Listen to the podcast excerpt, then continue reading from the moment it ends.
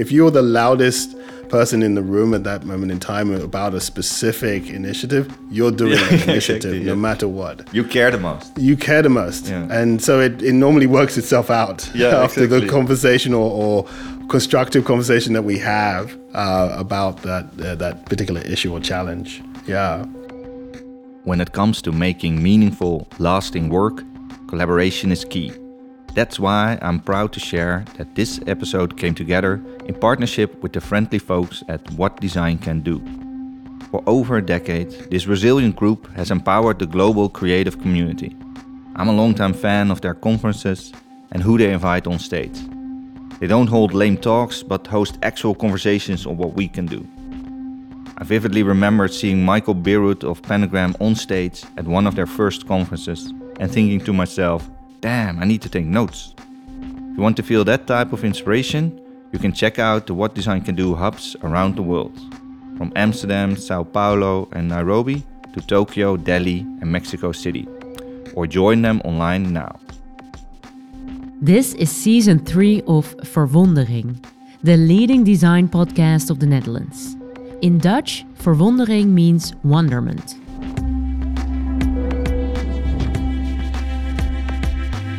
Every episode, Harald Dunnink talks to other designers and creative directors about the impact of their work, from artists to curators. Together, they explore what makes a design meaningful. Harald is the founder of design agency Momkai. As co founder of The Correspondent, Harald helped to build the third largest membership journalism platform in the world. This eye opening podcast is a visual journey too you can view all the designs that Harald and his guests discuss by visiting the show's gallery on verwondering.com.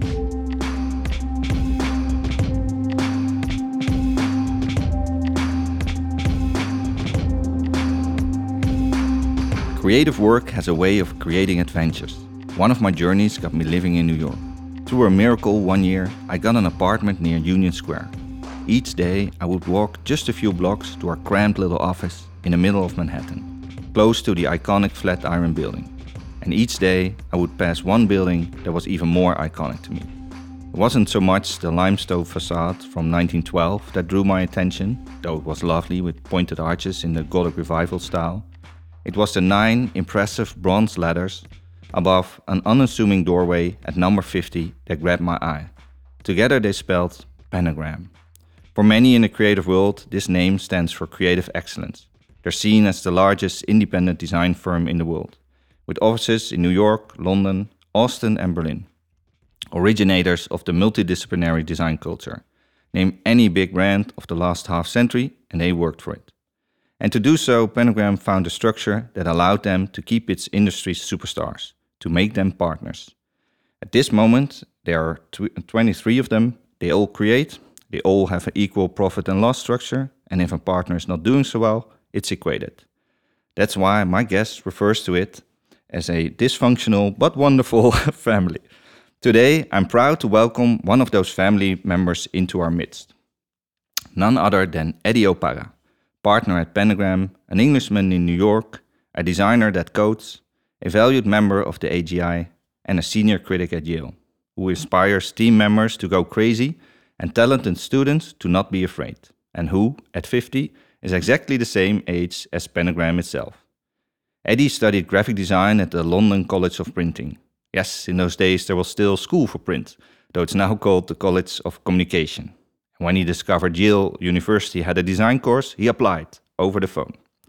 In 2005, he established his own studio in New York, the Map Office. When legendary designer Paula Scher asked him to join the Pentagram gang, he couldn't resist and became a partner in 2010. That lunch with her was probably the best chicken schnitzel he ever had. Since then, he worked on the interface of the Samsung Galaxy series, designed the wayfinding of Nike's world headquarters, published a book called Color Works, helped the world champions of the US women's football team, they call it soccer, to launch their own brand, Re-inc, and got together with Kirby Jean Raymond to get his narratively rich designs the identity it deserves, the lovely yellow-dipped Pyer Moss.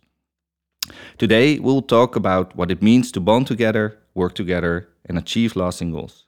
How can we all be equal without being the mirror image of the person standing next to us? Where do we belong while changing the status quo? Eddie, welcome to the studio of Momkai. Thank you for having me. What does design mean to you? It's a really great question. Um, I was asked um, late last year by Sir John Sorrell um, of the Design Festival, London Design mm-hmm. Festival, um, to describe design. And um, I've always said, well, you know, in general, people say, or designers say, design is about solving problems. Mm-hmm. And I've always had a problem with that. Yeah. I've always scratched my head and said, really? Is is that the case? I mean like okay you take a you take the table the table was designed i don't know centuries ago. Um, why do we keep des- redesigning it if we've solved the problem? Why do we keep redesigning yeah. chairs if we've solved the problem? Why do, you know and so it, it you know I, have always thought of it as uh, a little differently. And uh, uh my definition is that um, design is to ascertain a desirable outcome um, through um, um, specific constraints, right? Freeing itself from specific constraints, but th- uh, through the ideas of rational thinking, through uh, creative thought process and uh, achievement and also appraisal to create a progressive and transformative outcome. Yeah. So I think that's very, very long. yeah, yeah. But if you wanted to shorten it, it is all about the idea of creating something that is progressive and transformative. Yeah, very much so. I think, and your your father had a way of saying it way shorter. Yeah. Uh, I, I, was sad to learn that your father uh, recently passed away. Um, and of the on the eve of your departure to the US, your, your father told you design is spiritual. It's a it's a way of life. Yeah. He, what do you think he mean he meant by that? Yeah, that was a that was a really interesting um, one way conversation, I would say. Me listening to my father. You were 23, um, I think? I was about yeah. 22, 23. Yeah. Uh, I'd never been to the US before. Um, he, just to give you a bit of uh, context, he, um, he worked in the advertising uh, business for a very, very, very small time uh, in the 60s, 70s. And um, with and Saatchi, yeah, he knew the Saatchi yeah. brothers, which was really, really uh, crazy and um, he um, he wanted me to understand. It, it took 26 years for me to un, unravel this. Um, the design is spiritual. Uh, it's a way of life. I would say it to people and they would be inspired. Yeah. But then for me, even like, what does it really mean? How did I? How do I sort of break that down? Um, and only of late am I understanding this a lot better because of the uh, because of my definition of what design is from a progressive and transformative um, manner or outcome, where um, you know you take the idea of spirituality and a lot of people just directly go to religion. Yeah, yeah. yeah. And even though my my father, my mother, very pious. Yeah. Um, personalities, um, Roman Catholics, um, but very liberal um, family um, growing up. Um, it's not that. Um, we're in a moment and time where we're reconsidering, rethinking who we are as humans mm-hmm. because of the amassing of challenges that we have with uh, with with society, with our planet, mm-hmm. uh, you know, the aspects of our politics, the aspects of what is true. And so, if you take the term spiritual and you look at it from a, a from a you know, defining po- point, you see it's not about oneself. Mm-hmm. It is the idea of, be, of transcending oneself, elevating uh, what you know um, of, of, an idea, of an experience, you know, of your imagination, mm-hmm. and um, up, um, being uplifting and relaying that in a binding force that binds us together, right? Mm-hmm. Now, isn't that very similar to design, mm-hmm. right? And thus, yes, they are. They are combined, and uh, and we need to um, be. We need to processize this. Uh, we don't, as designers, we don't do that. We we we we um, we like to take a back seat mm-hmm. as as such. Um, that let design be what it is in a functional that way. Speaks for itself. Speaks for itself. Yeah. Absolutely. Um, but we're missing out on a lot of communities that really need to understand what design can yeah. do and how it can uh, change their lives yeah. uh, immensely. And, you know, you could take the African American community as one um, from a social, uh, economical aspect, from aspects of poverty, yes, mm-hmm. um, prejudice. Um, you know, being pushed down, and why can't design be that sort of binding spiritual uh, element, to be that sort of binding force that elevates and lifts up? Yeah, um, more so. And how, how do you render yourself into a project? Of course, it depends upon the, the, the project, and, and more and more um, uh, projects that have come my way, uh, you're looking at the aspects of diversity mm-hmm. um, and inclusivity. That's for everybody, right? yeah. Uh, but also the elements of social justice. Yeah, and thus it becomes it's becoming a lot uh, easier to um, relay um, a clearer understanding of uh, of what of how design can actually work, and you can also um, see it. Um, um at at at play. Really yeah, so so maybe to, to make it more visual for people, you are doing a, a project with uh, Ben Cohen, one of the yeah, the co-founder of Ben and Jerry's. That's correct. Um, uh, yeah, so right the wrongs. Can you can you explain what you're you're working on yeah. with him? So um, Ben Cohen um, emailed me. Um, I, at first, I didn't know who it was. that that the Ben, Ben and Jerry's. yeah. yeah. Um, and then I realized uh, I had a really wonderful conversation with him because he's quite an activist, right? Like, he is. he is seen as an activist, yeah. but uh, you know, at the end of this particular project, uh, at this moment in time, yeah. this juncture, he's actually more, and he'll be like taken aback by what I'm going to say. He's very much a, a design spiritualist. Um, oh wow! Um, How so? It's because, and I'll explain the project first. Um, he's he's trying to uh, he's created a uh, 100% organic um, cannabis product yeah. um, that uh, Ben's enables Be, called Ben's Best yeah. or Ben's Best Buds yeah. that uh, enables um, um African American franchises to use, and also 100% of the profits go to um, help the de-incarceration mm-hmm. of African Americans in prison in the United States. Now, you could say that is um, a very altruistic um, aspect, you know, and see it from the point of view of yes, very charitable. Um, but there's more to it than that.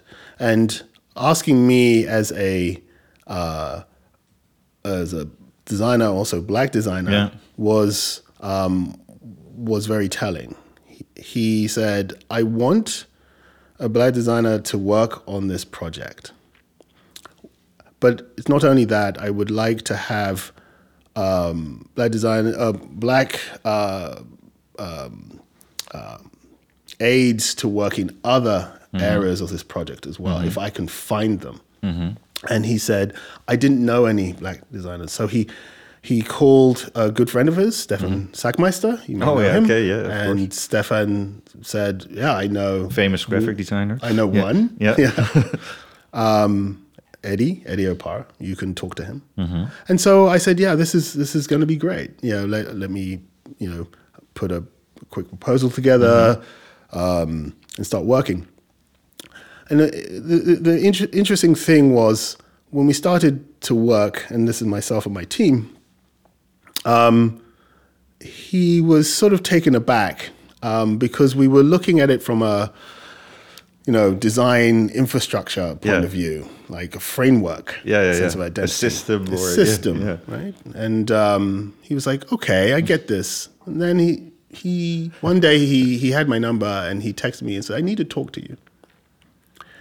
And said, "Eddie, I, I just don't think that you are part of this, even though you're working on this job where do you come into this yourself yourself yeah. and he as he as you you know he wants to elevate and project out the possibilities of um, black uh, creativity mm-hmm. and also um, uh, the a- aspects of business mm-hmm. as well to sell this particular project um, product and I said to myself, I'm not really sure. I'm not fully sure what you mean. He's like, you know, um, I, I, you know, who's doing the graphics? I'm like, why? We are. I'm like, what do you mean we are? It's like, well, me and my designers. I'm like, oh, but what about you? You, you, you. It's like, I can't do the whole thing. I mean, I've got other things to deal with.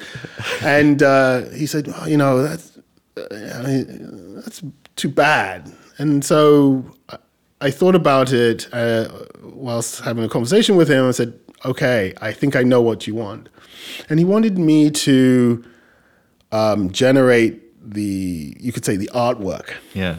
Um, personally, and that night, uh, I started to work on it, and it and it it, it really it, really was um, me talking to myself, mumbling up to the point of seven o'clock, saying, "I don't know, I am, I can't do this," yeah.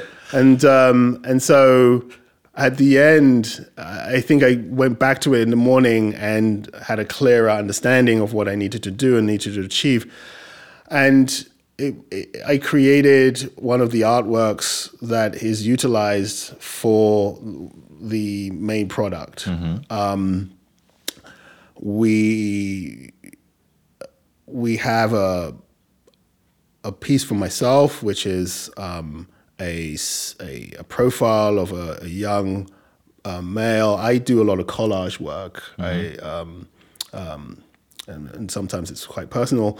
Um, that is um, that's utilizing flowers, and these symbols of flowers were all about sorrow, forgiveness, mm-hmm. sense of truth. Mm-hmm. But um, the the other issue about this particular piece, this particular side profile of this African American male, you can tell it's an African American male, is that he's wearing an orange T-shirt or orange jumpsuit. Oh, so it's synonymous to imprisonment. In the in the U.S., they wear uh, orange. That's correct. And so that sense of of utilizing something with which is aesthetically beautiful, yeah, uh, but then also using these underlying elements to project uh, was important. And then we also had the idea of uh, having other African American um, artists um, work on this particular mm-hmm. project, mm-hmm. do similar art pieces. So Dana Robinson um, is an artist um, and uh, illustrator uh, created a piece, and what she does is that she takes commercial, uh, old commercials, uh, printed pieces mm-hmm. that have um, placed African Americans into those, like for cigarettes or mm-hmm. for, for, alcohol. Oh yeah, yeah. Uh, in these sort of stances yeah. where you would actually see a, a potential white person yeah. in that, and she sort of strips. She strips the trace, any trace of commerciality mm-hmm. and in, uh, and um, uh, this skewing mm-hmm. of the idea that uh, a, a, a, black person actually exists within this particular environment. Yeah, all the way back into a very more artistic sense, so that you get a more truthful uh, agency to, from yeah. it. and you, you know, um, it, it's a it's it's a lovely piece. On top of that is typography. Yeah, and the typography is um, is all from um, Trey Seals, who uh, runs Vocal Types, a very yeah. young type designer in in the US. Um, wonderful type designer, and uh, his typefaces are um, connected to protest signs mm-hmm. from um, from you know 1960s and 1970s. It has that vibe a bit when yeah, you see it. Af- yeah. Af- African American, yeah. and also also Eva Peron, and yeah. and so there's there's a sense of a statement that you're trying to make. Yeah, there's a, a defining sort of point of view. So when you start to see the piece um, with the messages from Angela Davis from an activist point of yeah. view, and also Nelson Mandela, and also uh, also Ben. Yeah. You there's a there's a there's a there's a cause to be um, elevated, to yeah. be lifted up, and that's that's an exciting experience. Yeah. just on a tin for cannabis. Yeah exactly. Yeah yeah. It's yeah. beautiful if you can mix it like that. Yeah. Uh, we will also put um, the examples that you mentioned into uh, the gallery that people can find it online uh, and also um, see what you actually designed with with uh, with the team. And i think um, yeah maybe a lot of people don't know that that in in, in the us you have uh, a, a black person is four times as likely to be incarcerated for, for cannabis uh, than a white person, where the usage is exactly the same. The usage is yeah. exactly the same, and that's what Ben is basically talking about. You know, uh, in New York, um, in the 1970s, they had what was called the, it was started in the 1970s, it was called the Rockefeller mm-hmm. um, laws, narcotics laws. Mm-hmm. And um, these were covering uh, different classes of narcotics and the possession of them, mm-hmm. you can get for between 15 years in prison and 25 years in yeah. prison. Those laws uh, have been uh, slowly appealed over the course of time, mm-hmm. um, but as you can tell, the majority, large, large, large, 90% of the majority were uh, uh, black and brown um, um, uh, men mm-hmm. um, uh, from African American and Hispanic, mm-hmm. 90 mm-hmm. percent, yeah. and some of them are still in prison today. Yeah. And New York is about to change its laws on on cannabis. Like New Jersey has Finally, already. Yeah. Um, so things are changing, but uh, will they um, let these men go free? Yeah. Yeah, I, I, vividly remember a work from you. I think before you joined Pentagram, where you had a, a sort of wallpaper of like triangles. Uh, um, uh, yeah, inspired by stealth bombers, mm -hmm. in mm-hmm. which you also try to explain the yeah how how it is to be invisible or to not be noticed. Yeah, it's um, if you've read Ralph Ellison, Invisible Man, mm -hmm.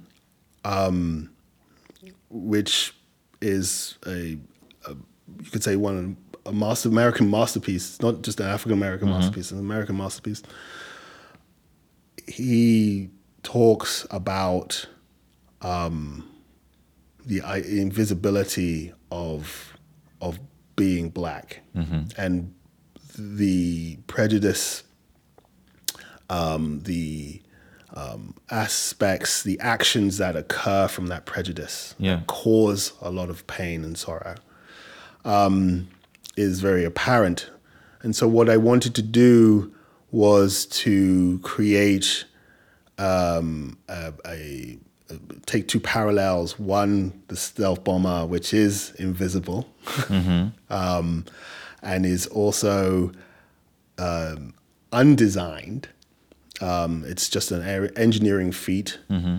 Um, and then take the message of Ralph Ellison mm-hmm and place it into a new context, a, a, um, a poster that is in the form of a stealth bomber, but then utilizing um, the sense of um, of of um, moire patterning that occurs for you not to see the text uh, up front, but mm-hmm. when you move away, you, you actually see it. So yeah. there's this ambiguity contradiction, um, clarity, confusion, and that's who yeah I am. The aspects of understanding one's identity is really, really important to myself. I've been trying to figure this, this out for many, many years. Yeah, exactly. No, it's it's um, it's I'm very intrigued. There's indeed also a certain beauty to a stealth bomber. So for people that know, it's like sort of triangle uh, airplane. Yeah, it's very and like from the Iraq very, War. Very, very acute. Yeah. Um, form, very bizarre form, and yeah. it has if you read about it, it has no mm. aspects of design. It's all about engineering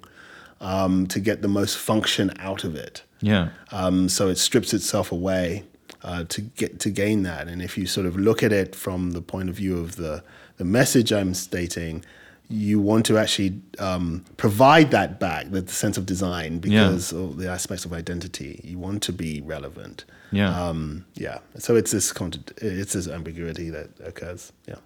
And your parents are from Nigeria. They they moved to London. That's where you grew up. Yeah. And I, then you moved to the U.S. I think when you joined, when you well, yeah started studying at yeah, Yale. they they met in London. They married.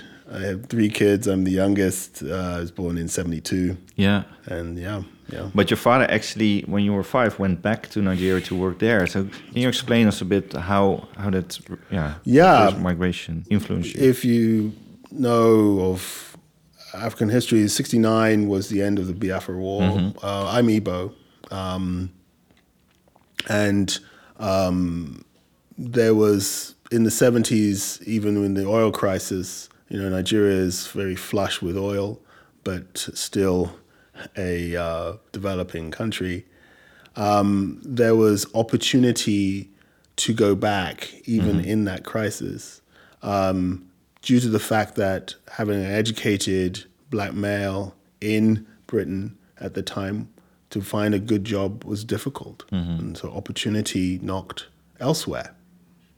And so my father left. Um, he wasn't the only one, mm-hmm. multiple I hear stories all the time that mm-hmm. they, you know, and so when you talk about immigration, um, uh, you know, migrating from one place to another, it's not always the aspects that um, you're going to find opportunity in this country, mm-hmm. in the country of you know that you're you've chosen, but you may have to go back to a, uh, the country that you came from to actually, you know, yeah, um, to feed your your family, and that's what he did. Um, and he came back because his youngest child was not doing so well. That's you, right? Yeah. yeah. Um, the other two are doing extremely yeah. well. Yeah. Um, and the youngest is mucking about. So, you were searching. You were like, yeah, you know, I wasn't doing so good at school, and um, he needed I, I, believe he really needed to put me straight but it's also he had failing health as well mm. at the mm. time um, and i was 18 19 yeah and so um, he know, he put me straight mm-hmm. and he he also had stated to me and to others um, you know what you want to do mm-hmm. with your life. And you kind of say what you want to do. And from an immigrant family, it's normally, and especially Nigerian, lawyer, doctor, engineer. he put it slightly differently. He always said, "What's the what's the difference between a doctor and a carpenter?" Yeah, Eddie. And I'm like, I don't know. and he would say, "Nothing. They're really good jobs, both of them." One is uh, they both deal with their hands. Yeah. Um, you, as a carpenter or master, master carpenter, and this is a fact, you can yeah. get, make as much money yeah. as a doctor. Yeah. Uh, um, it's just one is on a professional yeah. point of view from the university, and the other one's apprenticeship. And there's no difference. Mm-hmm. No difference whatsoever. And so find what you want to do, center yourself, find what you want to do. And I did. Yeah. And it was good that because he was in advertising for a while, that he knew what graphic design was. Yeah. I didn't yeah. really know what it was. um, and he knew the school. He knew the London College of Printing. Yeah. Said, I know that school. That's a good school. Really good. You, you should go there. Um, and um, yeah. That's yeah. so empowering, right? Like to, to, to, have that belief. To have a parent yeah. that knows yeah. this is, you know, in in the in the nineties for me was was you know was excellent. Yeah. Um, yeah. The author uh, Colin Grant, who wrote the, the book on uh, Marcus uh, Garvey, was himself a, a child of Jamaican immigrants. And in the 70s, his father used to counsel, don't get too comfortable here. We're, we're only passing through. Like, how was it in your family? Yeah, very much so. Um, I did not know that I was going to migrate to the United States. Yeah. Um, I thought I was going to be there for two years for grad school. Um, and my father, I think he had it in him that I was, I was gone. Yeah. I was, I, I'd left. Yeah. And for me, I, I really hadn't. And, and um, I, the first year I was very sort of homesick. And he said, oh, so "You're going to stick it out. You're going to you're to keep going. Yeah. You, you, you find your path. Yeah. Right. You go and do your thing. Yeah. Um, uh, like he did. Yeah. Like my mother did. Yeah. Uh, and I'm really grateful for that. Yeah. Yeah. Yeah. And is that something you pass on, like uh, not not only to your own children, but maybe to your designers in your team? I, I, I do. I mean, I travel um, a lot, and whenever I have to deal with portfolios uh, for designers, I always state that's the first thing I always state is like, how much have you traveled in your life?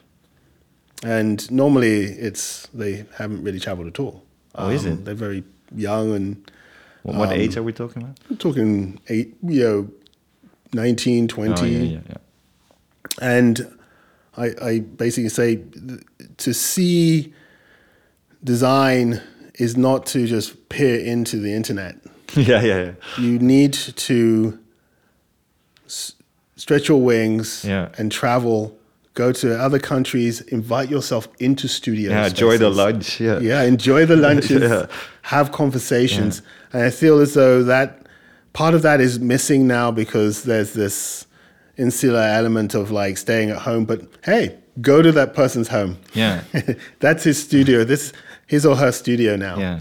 Um, Partly, there was also, of course, it always saddens me the the, the pandemic, where mm-hmm. where where in the moment you you flower, then you have to be at home mm-hmm. and you see. I don't know if you see that the same within your teams, but I have, have people from all corners of the world, and you really have to inspire the really young to yeah. go out and just talk. And, exactly. And at lunch, don't be on your phone. We're here. This is it. This is, this this is, now. It. Yeah, yeah, This, this is it. And yeah. and so I think we're getting to the point where I, I will be inviting my design team or whomever to my house yeah. for lunch, for tea, for you know, to get. And I would like to go to their houses too. Yeah. I, I, I feel as though we need to have more of this uh, understanding of uh, of our lives. Yeah. Um, Where's your home?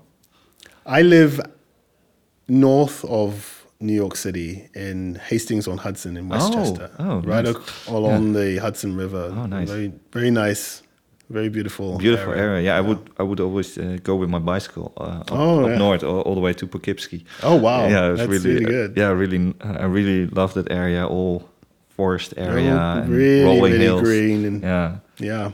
Is there also a part in you that now feels American? Oh, I have American citizenship. Yeah.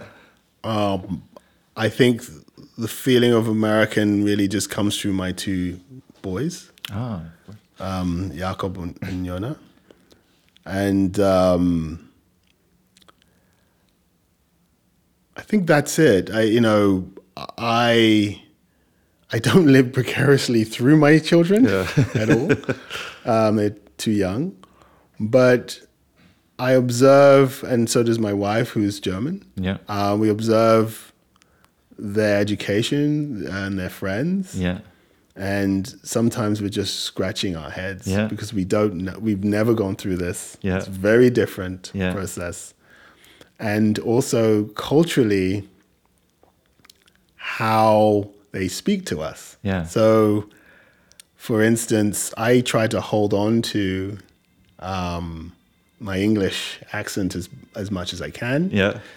And I noticed. my, my sons will say I want some tomato. Yeah, yeah. And I'm like, it's not tomato, it's tomato. yeah. And you're in my house. Yeah. Uh, and, uh, you know, just little things to yeah. get them, you know, riled up. Uh, and, uh, you know, I, I don't, I, I, why do I hold on to my uh, English culture, British culture, and also Nigerian too, is because, um, it's not just that it makes me distinct. Mm-hmm. It's what I know. It's what's ingrained in me, mm-hmm. and um, that may be the only sort of conservative that I have. Yeah, yeah, yeah, yeah. that I have in me. It, yeah. And and from from your own family, you you also uh, joined that uh, wonderful uh, dysfunctional family. Last month, one of the co-founders of Pentagram, uh, Mr. Uh, Colin Forbes, passed away at uh, at 95. Um, and uh, for the people that don't know him, one of his most well-known works might have been the logo for Nissan. I think Nissan. Ev ev everyone knows Nissan. Yeah, and also the D&AD. Yeah, the D&AD yeah. indeed. Yeah, the yeah. which used to be like the the, the yeah the the British design and art mm -hmm. art direction uh, organization. Um, and they cut off the British at some point, and they made it. They yeah. made it D&AD.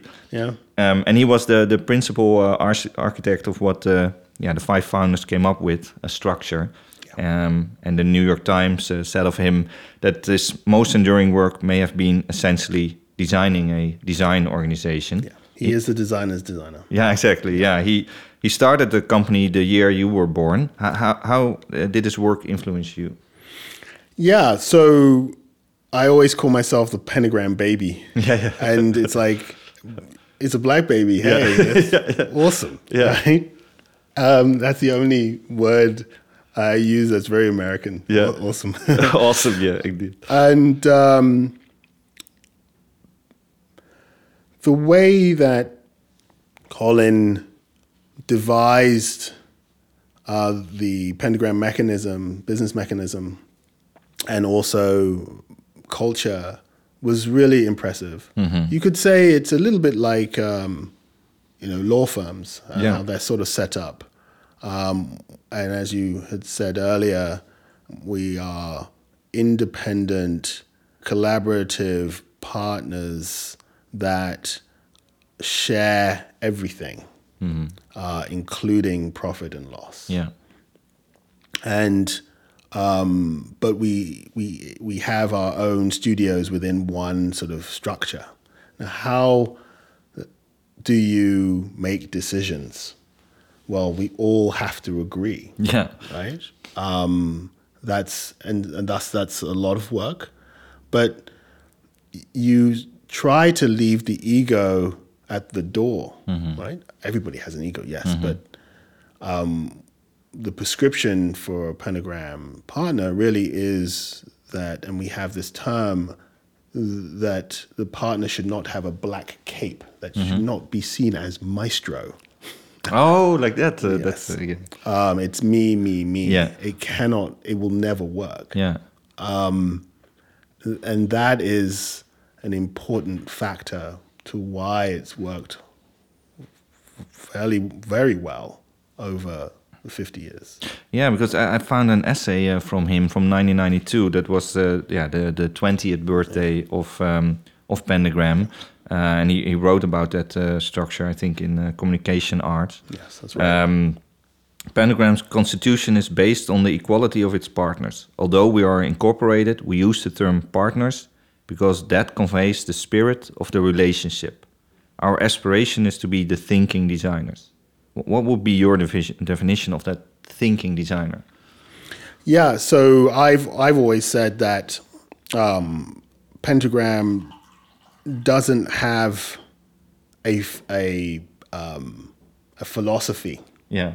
Um, not all agree, right? Within not Pentagram, agree, right? I mean, when from a point of view of design philosophy, mm-hmm. yeah, um, and I, that's what makes it uh, very enriching, mm-hmm. um, very eclectic in its in its uh, um, desirable outcomes. Mm-hmm. Right? Um, that it's also collegiate in its mm. in, in, in, its manner. So what does it mean? Well, in a in a sense that um, we're all together, we're having um, constant uh, dialogue, yeah. um, and um, because there must be friction, right? Oh like yeah, very, very, very, very, views, very, very yeah. much so. Um, that that everybody's a sort of uh, you know has a particular say. Yeah. Um, you appraisal, um, criticism, um, and it's also camaraderie coming together. Mm-hmm. Um, and thus, it's also quite academic. Mm-hmm. That and to Colin's point, um, your thought process changes mm-hmm. based on this, right? Um, um, on on on a you know theoretical or practical scale. You learn from each other because you have to explain, because you have to get common ground. You have to Correct. have the conversation. Correct, right?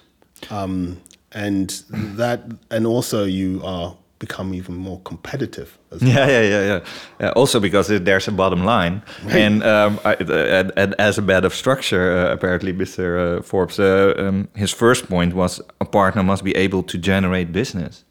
How do you do that? We have a system.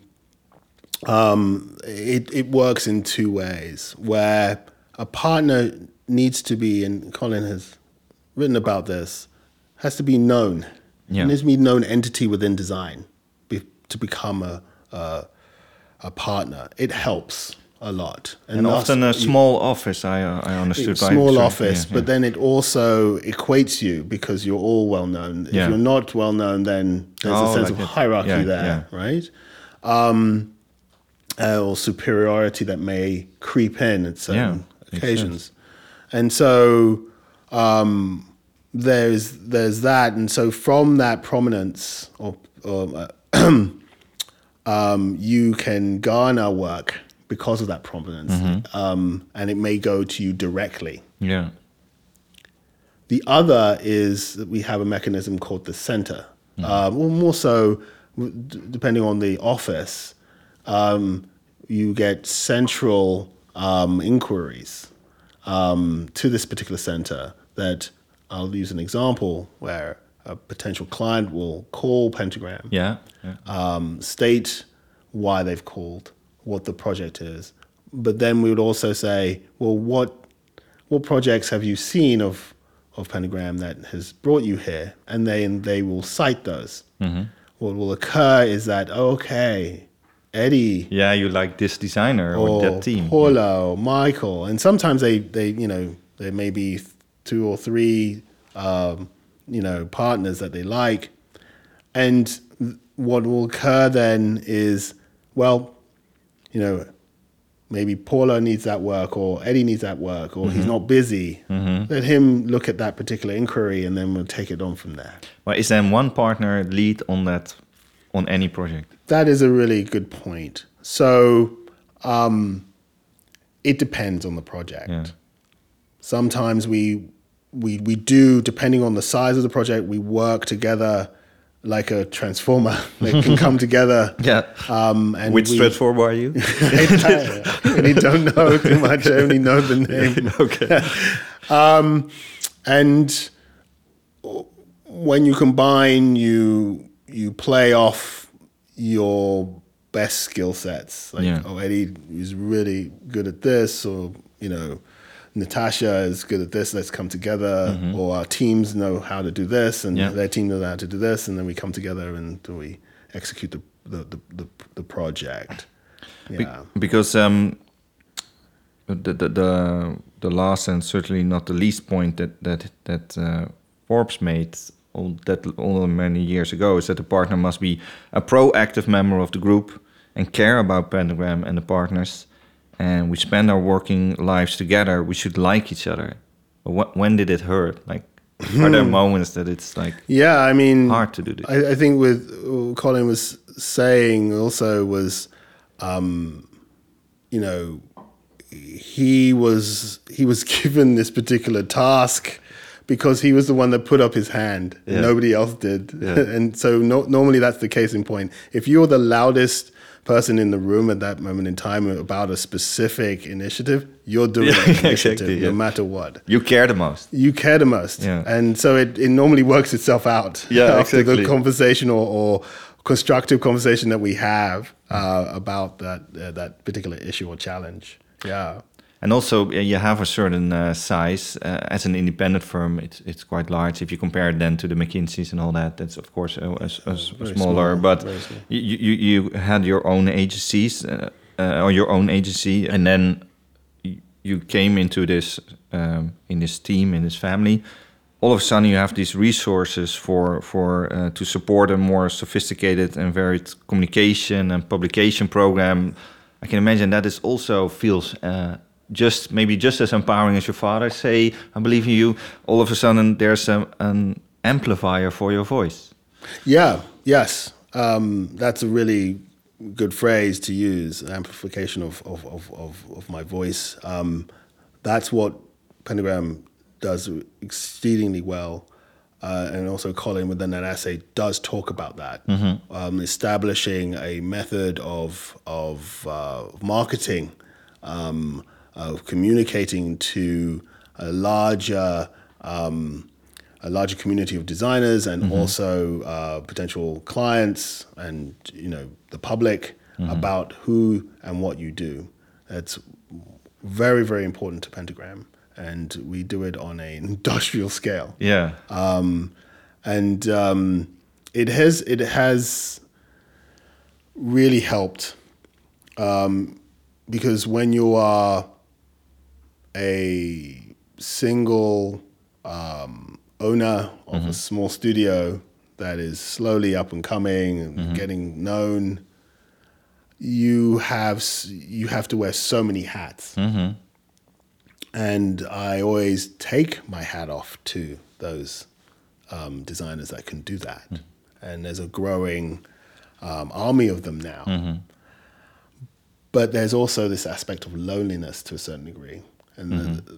now it's a little better when you can actually Slack or you have a Slack channel with different um, designers that you can talk about. Mm-hmm. Um, you know, non-design things, very yeah. business-orientated things, and that's that's very nice yeah. and true. But um, but how do you um, really uh, project your work more? And and that's where a larger a larger grouping, that family, yeah. Um, that camaraderie that comes together to really help you do that. You know, sometimes when you're um, when you finish a project, um, sometimes we present it to our partners, yeah. and then they have a thought. You know, I know such and such, yeah, yeah, um, who would love this and will uh, will um, you know publish it in this magazine or this newspaper or yeah. this particular podcast, you know, yeah. and it's it's fantastic when you hear that. That's a golden opportunity. To. Yeah, and uh, of course, there's when you joined, there was already this whole depth to it. There were so many years already. You're like maybe third generation. Yeah, I am uh, third generation. Yeah, um, uh, um, uh, to be joining that. Um, I, I, run a design firm since I was 20.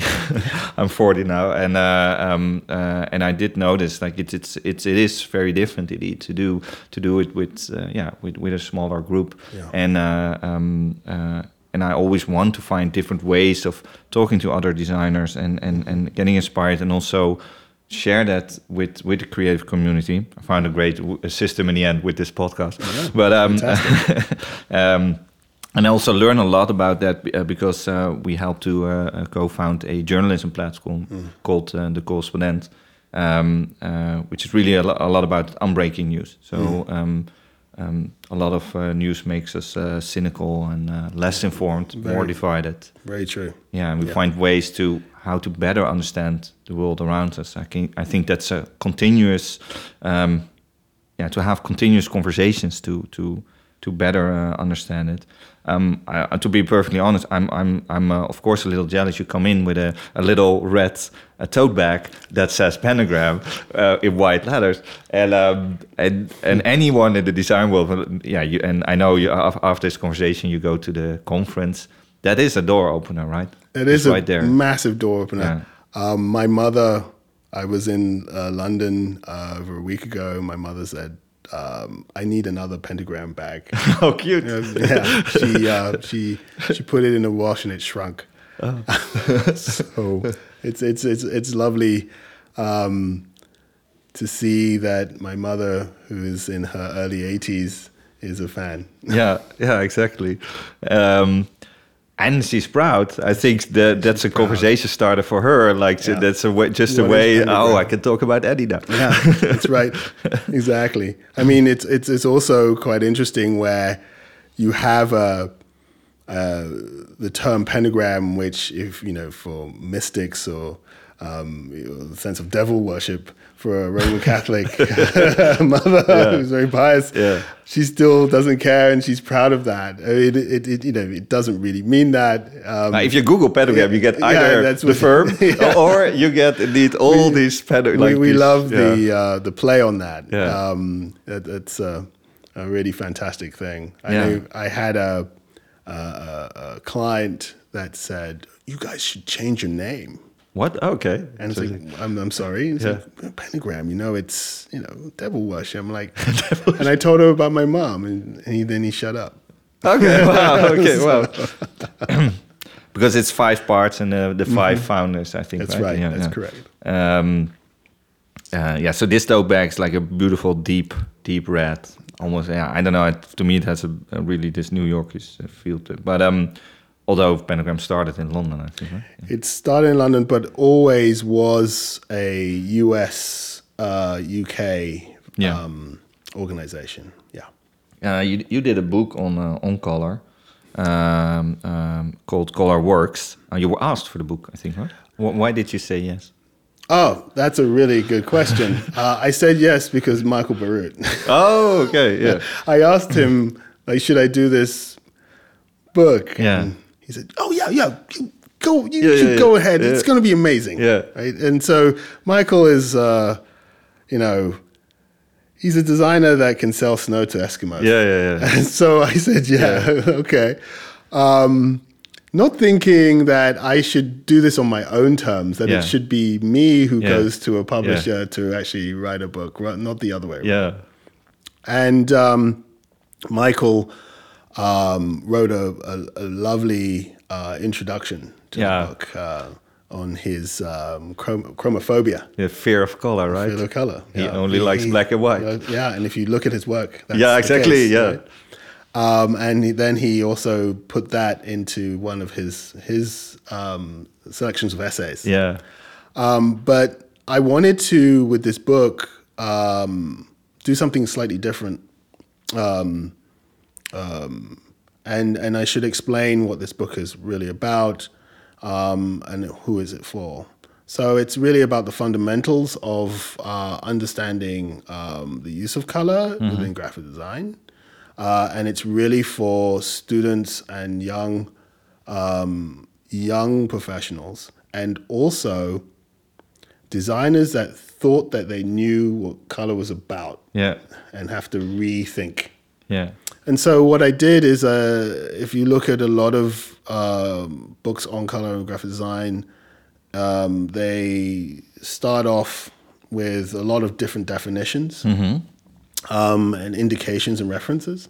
And I said to myself, no, let's have a selection of different essays. Mm-hmm. Um, and also touch points mm-hmm. um, uh, and aids that can allow this uh, these designers to understand what's going on with different designers in well-known designers in um, in the community. So Stefan Sagmeister, Paula Scher, Michael Bierut, myself, uh, and uh, and many others. Uh, I interviewed you know Michael Rock. I interviewed them, and then I also turned these interviews into um, essays like they would have written it, mm-hmm, even yeah. though I wrote it yeah. Uh, with John. Yeah. And um, I remember Michael Rock saying, that's really weird. Okay. um, yeah. But it seemed to work. And then what I would do within the essays is that we would indicate at certain points certain definitions and mm-hmm. then you would go and see the definition. So the whole idea of like you're enacting the use of the um, the technique. Yeah. But you didn't know what that technique is, so now now you know. And then it also cross references itself throughout the book, so it uh, interconnects into other chapters. So it tells you um, you know, Michael's using it here, and then Paula's using it in this. So they they use it very differently. So now you know, yeah, it's a it's a it's more interesting than just reading a reference book on color. Yeah. We are recording this in the, in the Netherlands, so I, I, you can imagine that your your chapter on uh, the Dutch guilder really caught my eye. Of course, I was really happy to see someone not Dutch, and and for anyone that doesn't know, like this is a small country. It's uh, we have uh, 20 million people roughly uh, around the world speaking Dutch. Mm -hmm. And um, before we had the euro, there was the Dutch guilder, um, designed by uh, Ootje Oxenaar. Yep. Yep. Really beautiful craftsmanship and really understanding the use of color, um, uh, designing, uh, for instance. Um, um, one of the notes with uh, with a sunflower inspired yes, by Van Gogh. Beautiful. Van Gogh, people say Van Gogh, and um, um, and they are yeah they're really lovely. Could, could you describe the notes to describe a note to us? Yeah, your visual memory. So, um, I the first time I saw this note, I mm. I was uh, living in Utrecht uh, oh. for. Oh uh, three or four months, I was going to uh, HKU. Okay. Um, so that's the um, it's in central of Holland, and that's like the sort of uh, yeah. Um, um University of Applied Arts, Arts, I think. Yeah, yeah, yeah. and um, uh, and I was you know mesmerized when I got here. Um, you know, exchanging money, the money. Yeah. Uh, you know, I, I, I, I, don't get me wrong. I, I do like the uh, the pound sterling, but yeah. this was on another level. This late nineties. This is late. Uh, yeah. This is this is uh, mid nineties. Mid nineties. Yeah, okay. and um, and when I, I, I saw the the sunflower version, I I, I just blew my t- yeah my, my yeah. up. Uh, um, the exquisite uh, craftsmanship, um, the um, complexity of uh, of line work, of texture of line yeah. work, and then within that the um, the um, the spectrum of color yeah. um, and tonality, um, the, the, the, different shades um, was absolutely exquisite, and and it projected the idea that this is uh, that money is is something to be cherished. Yeah, yeah, yeah um, it's not just that it's beautiful, um, it's to be cherished and to be respected. Um, and it also projects the, uh, the, fundamental idea of what the country is about. Um, and also, on another level, how much of the design culture has integrated into the country yeah, itself. Yeah, yeah, yeah. So it's it's one of the ways to in those days to you know see it um, on an international level. Yeah. Um, as well as stamps. Yeah. And um, and I feel as though and these are sort of solitary moments, right? Yeah. Um, that uh, you can also reminisce yeah. as well. Yeah. Um, and it's it's just impeccable yeah. what he what he achieved. Um, yeah. Yeah, it's it's. Um, I really um, I, I I I slightly experienced, of course, the the the the, the, gul, the guilder, uh, so the the coin before the euro, and and it was almost like uh, uh, as as a young designer growing up, it, when that was interchanged for like one generic euro, it almost felt like a little bit of little bit of self disappeared. That lost. Yeah, because mm. I, I, was always proud to be Dutch, yeah. and like you can see it in the money. Like yeah. everyone holds that. Like there would be um, one note would be a, a lighthouse in yeah. purple, really, right. really beautiful. Um, and I think, uh, yeah, the Design Museum in London had like mm -hmm. exhibition on That's his right. work. Also, what he did for the for for the public postal service, um, which uh, as an organization found uh, design uh, so important that they he was the head of the yeah, department right, of a, a aesthetic design. Right. They had a aesthetic yes. design for something for the public. I was yeah. always really yeah. proud of that. So it's also yeah, it's also a bit sad to see it, it go. Is, so I was is, really happy to see it in your book. Yeah, no, thank that, you for that. that. I mean, no, it, it, and I think that's the the, the fact of of of. Uh, it's not about oneself. It's to to transcend that and and um, uh, allow everybody to experience it um, yeah. uh, and it to be progressive and transformative. And and and and you have done that in Holland um, to a great degree, mm. um, which is um, which is fantastic. In the US, it's done very differently. Yeah. Um, you could say to a certain degree, um, Apple has done yeah. a, a, lot of that. Um, the, the, the, work for the public, yeah, not so much from exactly, the government. Exactly, yeah. but on a, an insane profit. Margin. Yeah, exactly. Yeah. Um, so, uh, and you know, but America has its issues in regards to um, the comprehension, the under, understanding that nobody yeah. really gets it. Um, um, that the importance of design. So yeah, yeah, yeah. And he he the um, found the colors of a dollar or pound sterling or French franc uh, like that they were so saturated, so uh, like so yeah, muted, yeah. yeah. And he, yeah, if you if you see them in the in the gallery, they're like bright orange, bright yeah, green, bright yellow. Really showing from the '80s already. Yeah. Like it's it's uh, it's, yeah, it's, it's, it's beautiful. Love at first sight. Yeah, exactly, exactly, exactly. Um, a question that I uh, ask all my uh, all my guests. Uh, final question: mm. Is there a design? Uh, yeah, which design you're most grateful for? Yeah, that's a very deep question. I think that I'm very grateful for the idea of from a from a graphic standpoint, I would say that it is um,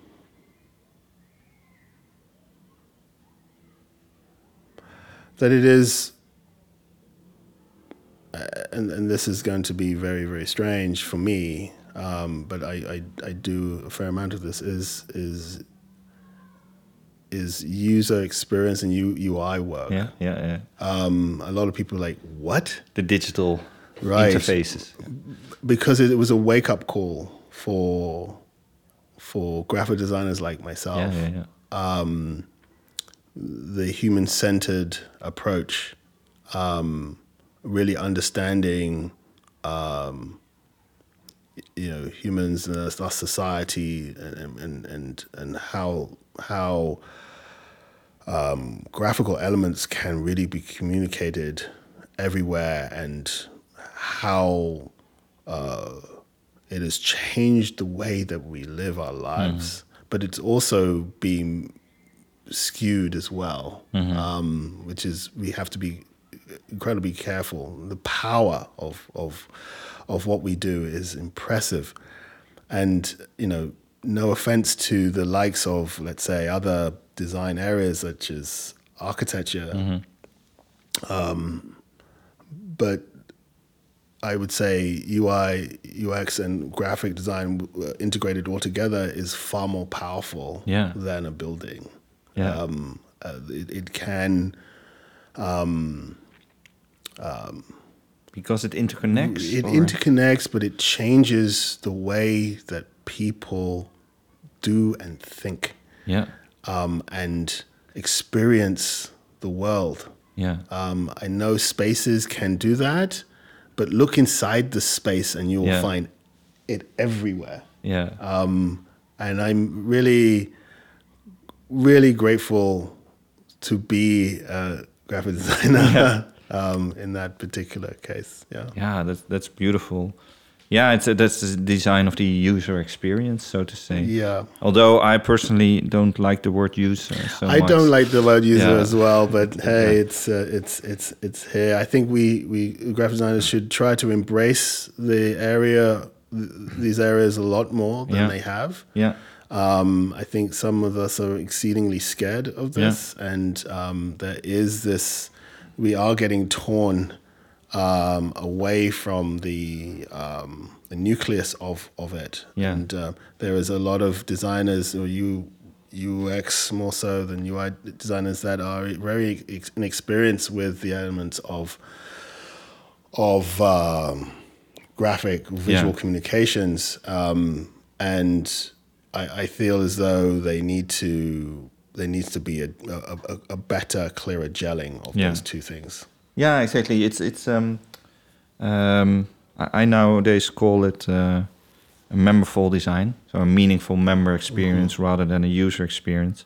And memberful is a word that I learned in working together with uh, Professor Jay Rosen from uh, New York University, and we did a um, also from the journalism platform, the mm-hmm. correspondent. We did a research project for four years, diving into how can we create something that's meaningful to a to a group, mm-hmm. rather than um, also from a if you would view it from a journalistic point of view, and not to be living from uh, uh, ad dollars, but really um, that all the people that support that kind of journalism chip in, and yeah. that makes it possible. Right. And then he coined the phrase "memberful," which I thought was really beautiful, mm-hmm. um, because I think that's one of the hardest things to uh, quantify. What it's is it actual meaningful to a mm. person, mm. to to yourself, right. and um, yeah, I hope to to bring that more across now, and and and um, and and what they found in their academic research also applied it more in the work. So mm-hmm. having memberful uh, grow into memberful design, and, and we can create things that are, are meaningful for